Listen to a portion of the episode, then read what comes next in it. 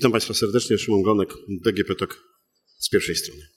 E, podczas Europejskiego Kongresu Finansowego w Sopocie były różne panele finansowe, ale były też panele hmm, okołofinansowe, około bankowe, bardziej społeczne.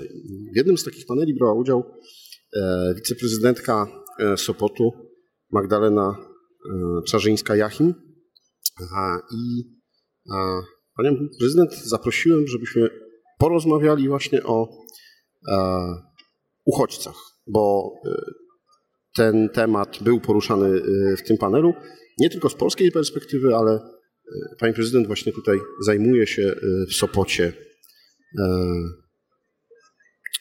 uchodźcami i, i ten temat jest jej bliski. Dzień dobry, witam. Dzień dobry, witam panie redaktorze, witam państwa. Pani prezydent, y, jak dużo po 24 lutego y, uchodźców, y, uchodźczyń w większości przyjechało do Sopotu? Według ankiet, które robiliśmy na własne potrzeby miasta, żeby dowiedzieć się, e, jak przyjeżdżają, jakie mają potrzeby osoby, które do nas przyjeżdżają, czy są z dziećmi, czy mają jakieś choroby, e, jaką pracę mogą wykonywać, to takich ankiet mamy ponad 3100. E, natomiast część osób wyjechała gdzieś dalej, więc szacujemy, że na terenie Sopotu jest obecnie około 2000 uchodźczyń głównie kobiet z dziećmi czy z e, babci, z wnukami. 500 takich osób e, mieszka w e, dwóch akademikach, które wspólnie z Uniwersytetem Gdańskim przygotowaliśmy i w trzecim miejscu, także takim bardziej zbiorowego zakwaterowania, pozostałe osoby są u naszych mieszkańców, u Sopocian. A Sopot liczy mieszkańców? 34 tysiące. No, czyli około prawie 10% można powiedzieć, tak? E, to prawda, natomiast w szkołach e, mamy już 20% dzieci, to są dzieci ukraińskie. E, no jest to duże wyzwanie. Mamy 8 oddziałów przygotowawczych i także na poziomie przedszkolnym i organizujemy opiekę nad dziećmi po to, żeby te panie mogły iść do pracy. No właśnie, porozmawiajmy o tej, e, o tej opiece i o tym, e, co miasto organizuje i jak to organizuje, bo minęło e, ponad 100 dni wojny, ponad 3 miesiące. Ten pierwszy taki ruch społeczny, taki, taka dobroć serca, która była wśród Polaków, no trochę się już wypaliła. Bo powiedzmy, że no to naturalne, że Najpierw rzuciliśmy się do sprintu, do, do, pomocy, no bo na granicach rzeczywiście wiele, wiele osób potrzebujących było. E, no i teraz e, czas właśnie, czas na samorządy, czas na państwo. Jak e, wygląda ta organizacja? Teraz przede wszystkim jest czas na systemowe rozwiązania, których jednak trochę, trochę brakuje. Ja myślę, że kluczowe jest to, aby te osoby, które chcą podjąć pracę, i wiedzą, że w ciągu najbliższego miesiąca nie, nie będą w stanie wrócić e, do swojego domu, żeby miały możliwość nauki języka polskiego. Bo e, jako miasto stworzyliśmy taki punkt e, informacji o pracy, że łączymy oferty pracodawców z potrzebami uchodźczyn. Zresztą samo miasto i instytucje miejskie zatrudniły już ponad 50 takich osób. Widzimy, że główną barierą jest brak znajomości języka polskiego czy angielskiego, bo też takie, takie oferty mamy. E, o to postulowaliśmy od początku do rządu, żeby jednak był jakiś system finansowania kursów e, i mam nadzieję, że teraz w tej nowej specustawie takie zapisy będą. E, wiem, że jest to efekt między innymi zespołu samorządowo-rządowego, który, który niedawno dopiero niestety, ale dobrze, że, dobrze, że powstał. Y, systemowe rozwiązania dotyczące szkół, y, bo y, pamiętajmy, że tak naprawdę w skali kraju, może w skali Sopotu to tak nie wygląda, ale w skali kraju pół miliona dzieci jest poza systemem w ogóle żłobków, przedszkoli i szkół. Uczą się zdalnie i nie mają żadnych możliwości ani uczestniczenia w półkoloniach, ani w lekcjach językowych, no nie mają możliwości integracji z rówieśnikami, co jest dla nich bardzo ważne, chociażby po to, żeby choć trochę zapomnieć o traumie wojennej. I tutaj apelujemy o możliwość uruchomienia być może szkół e, w systemie ukraińskim z wykorzystaniem tych pań, które już u nas są, bo bardzo wiele e, spośród tych kobiet, które przyjechało do Polski, to są e, osoby z wykształceniem pedagogicznym. Warto wspomnieć, że w ogóle to są osoby z wyższym wykształceniem, bo 60% uchodźczyń ma wyższe wykształcenie.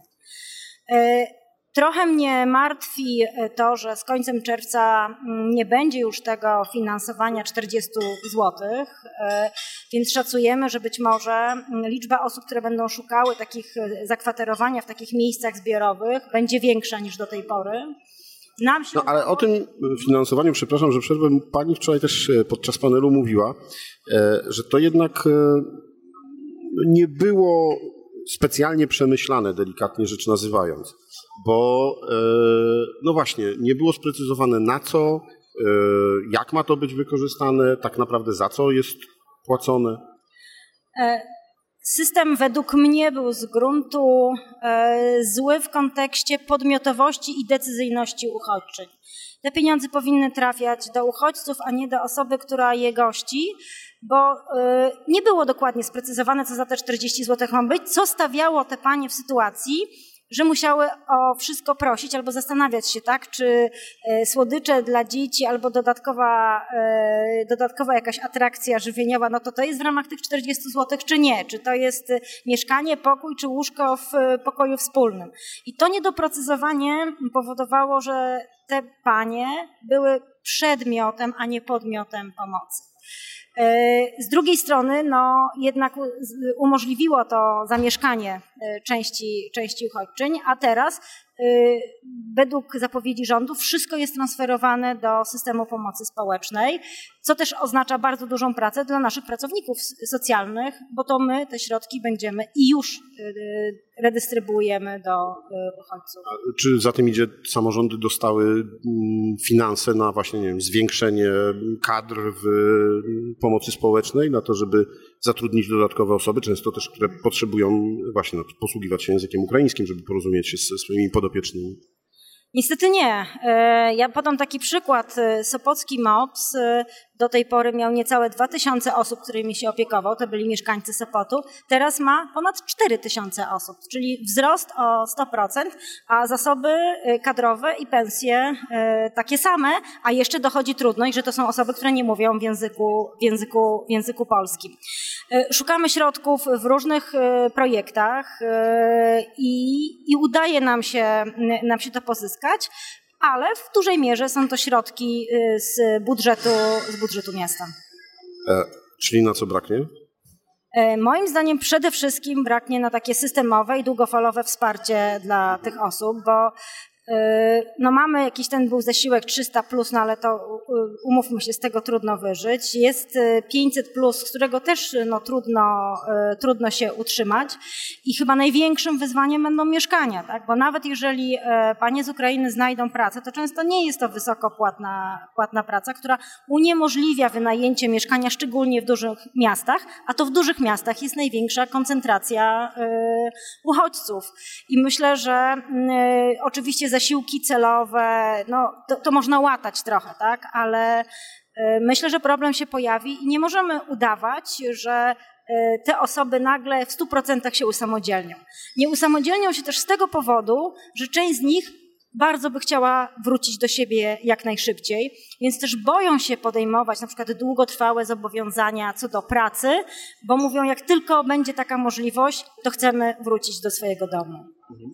Y, pani wczoraj podawała nawet takie szacunki, tak? 60% y, około chce y, powrócić. Tak, takie badania były przeprowadzone w skali kraju całego, że 60% chciałaby jak najszybciej wrócić do siebie do domu, 20% chce wrócić, ale być może po dwóch, trzech latach, no a 20% mówi, że jednak raczej zdecydowałaby się pozostać w Polsce i myślę, że to jest dla nas wielka szansa, jako dla Polski. E, no dobrze, to yy, jaki pomysł, czy jest pomysł yy, w samorządach, w rządzie na to, co z tymi osobami? No bo im trzeba stworzyć warunki. No, o lekcjach języka polskiego pani powiedziała, no ale to, to jest długo, długotrwały proces włączenia ich do społeczeństwa. O, proces integracji nigdy nie jest procesem e, łatwym e, i myślę, że akurat w przypadku naszych przyjaciół z Ukrainy może przebiegać szybciej, bo jednak no, jesteśmy bliscy kulturowo i mamy jednak podobieństwa językowe, które ułatwiają e, komunikację czy naukę, naukę języka. Zbiór takich rekomendacji, nawet bardzo szczegółowych w wielu obszarach, został zapisany w Białej Księdze, która jest efektem wrocławskiego samorządowego okrągłego stołu właśnie w sprawie y, y, uchodźców i tam wyraźnie mówimy o, czy o preferencjach dla pracodawców przy zatrudnianiu, o szybkiej ścieżce nostryfikacji dyplomów, żeby te osoby mogły wykonywać pracę adekwatną do swojego wykształcenia, a my takich osób potrzebujemy. Potrzebujemy lekarzy, potrzebujemy pielęgniarek, potrzebujemy nauczycieli. Ja nie widzę powodu, dlaczego anglistka z Ukrainy nie mogłaby uczyć angielskiego także polskich dzieci. E, no dobrze, i e, Biała Księga powstała. Samorządowcy, którzy są najbliżej, no właśnie, tych, e, tych problemów uchodźców i, i też obywateli i wiedzą, jakie są potrzeby na, na ich terenach, spisali swoje pomysły, swoje zapotrzebowania. Czy coś się z tym dalej dzieje? Czy te prace w, w ramach tego forum samorząd-rząd trwają nad, tymi, nad tą Białą Księgą? E, trwają prace tego zespołu, gdzie e, no, udaje się przekonać rządzących do niektórych rekomendacji, tak jak na przykład do tego, żeby stworzyć system finansowany e, centralnie takiej opieki domowej nad dziećmi w wieku przedszkolnym, opieki, którą mogłyby sprawować same panie z Ukrainy i otrzymywać za to wynagrodzenie, czyli mamy taką sytuację win-win. Z jednej strony opieka nad dziećmi, więc inne panie mogą iść do pracy, no a pani, która się nimi zajmuje, tą pracę, tą pracę dostaje. Mam nadzieję, że będzie także wprowadzone w życie to, aby rząd jednak finansował szkolenia językowe. Była mowa o kwocie 2000 zł na osobę, na imigranta, na taki kurs językowy 3000, jeżeli to byłby taki kurs specjalistyczny, na przykład właśnie dla lekarzy czy, czy dla pielęgniarek. Więc część rzeczy uda, udaje się wypracować, no, no część e, niestety nie.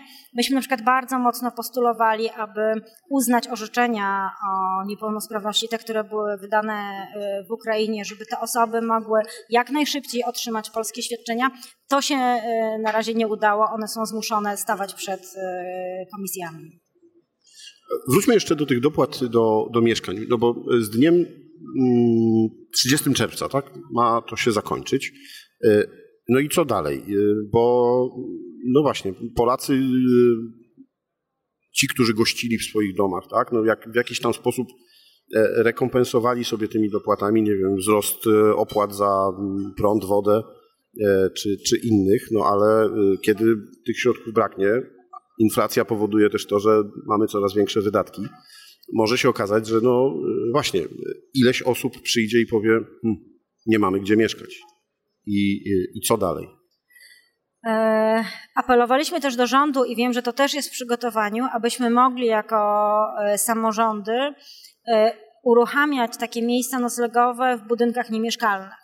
Czyli na przykład przekształcać jakieś pomieszczenia biurowe e, czy szkolne na potrzeby mieszkaniowe dla uchodźców, e, no bez takich procedur, które zwykle dotyczą pomieszczeń mieszkalnych.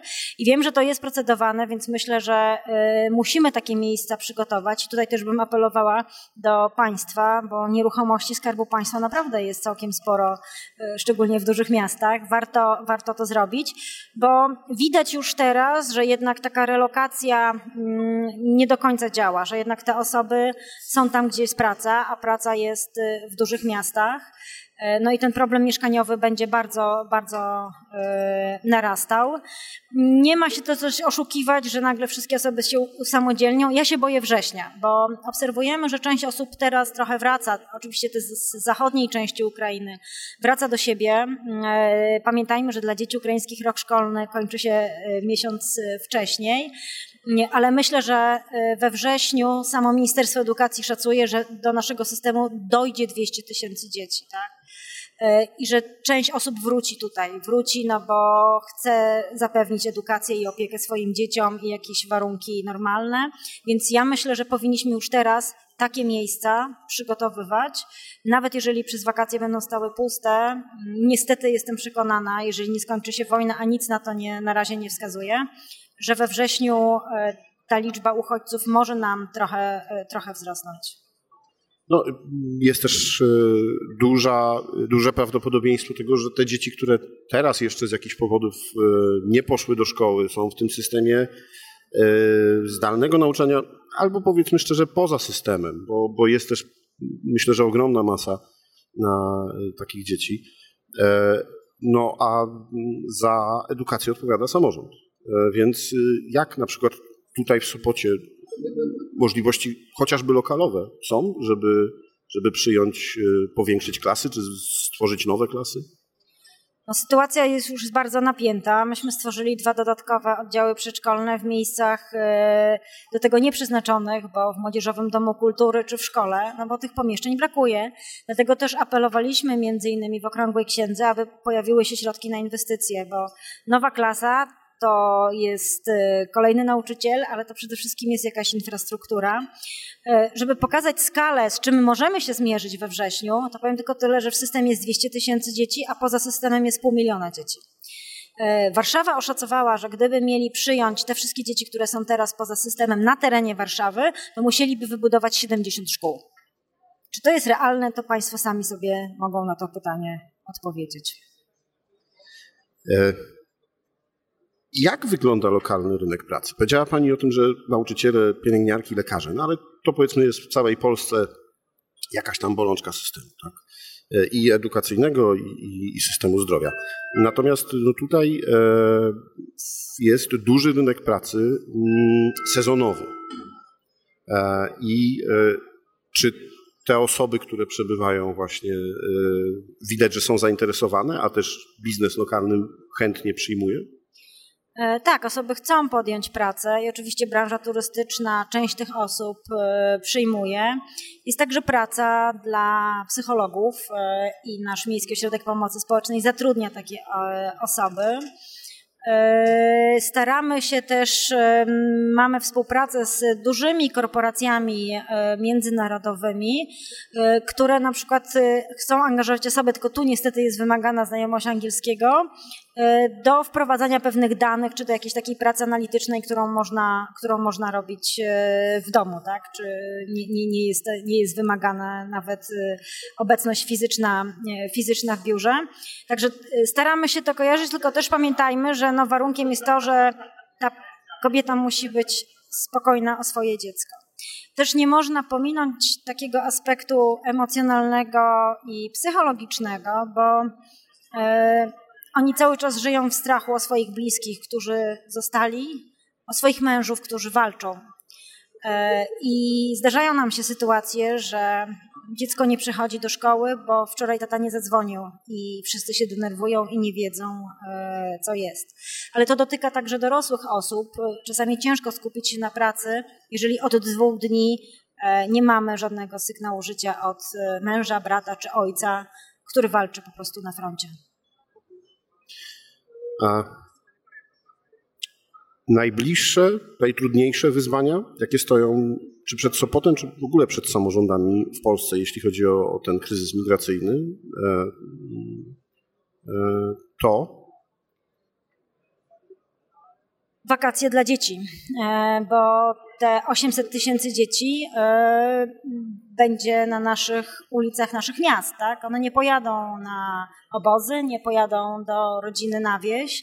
E, w związku z tym ja czuję ogromną odpowiedzialność, aby zorganizować im e, półkolonie, zajęcia sportowe, kulturalne czy rekreacyjne tutaj na miejscu, żeby one nie były same, żeby nie były, e, dać im możliwość nauki polskiego, jeżeli oczywiście będą chciały z tego, z tego korzystać. Przygotowanie nowego roku szkolnego to jest bardzo duże wyzwanie, bo tak do końca nie wiemy, y, jak, y, jak, jak się organizować, bo może się okazać, że nagle we wrześniu, że tak powiem, y, mówiąc kolokwialnie, spadnie nam bardzo dużo dodatkowych uczniów. No i kwestie mieszkaniowe. To jest, myślę, najważniejsze. jeżeli te trzy rzeczy uda nam się, uda nam się jakoś opanować czy zapewnić, to myślę, że praca się znajdzie, mm, patrząc na chociażby wskaźniki bezrobocia, no, które czasami zaprzeczają prawom ekonomii, bo w Sopocie to jest chyba 1,3%. Pozazdrościć i oby tak zostało, bo niestety tutaj wielu ekonomistów mówi, że zbliża się kryzys. Zbliża się kryzys, y, dlatego też y, trzeba szukać środków y, na realizację tych celów i mam nadzieję, że e, pozyskamy w, w końcu też środki z KPO, aczkolwiek uważam, że bezwzględnie muszą być powiązane z wartościami, tak, czyli z przestrzeganiem praworządności, bo Unia Europejska to nie jest bankomat, to jest wspólnota oparta na wartościach, które kiedyś zadeklarowaliśmy się, że respektujemy. Dziękuję bardzo za rozmowę. Dziękuję.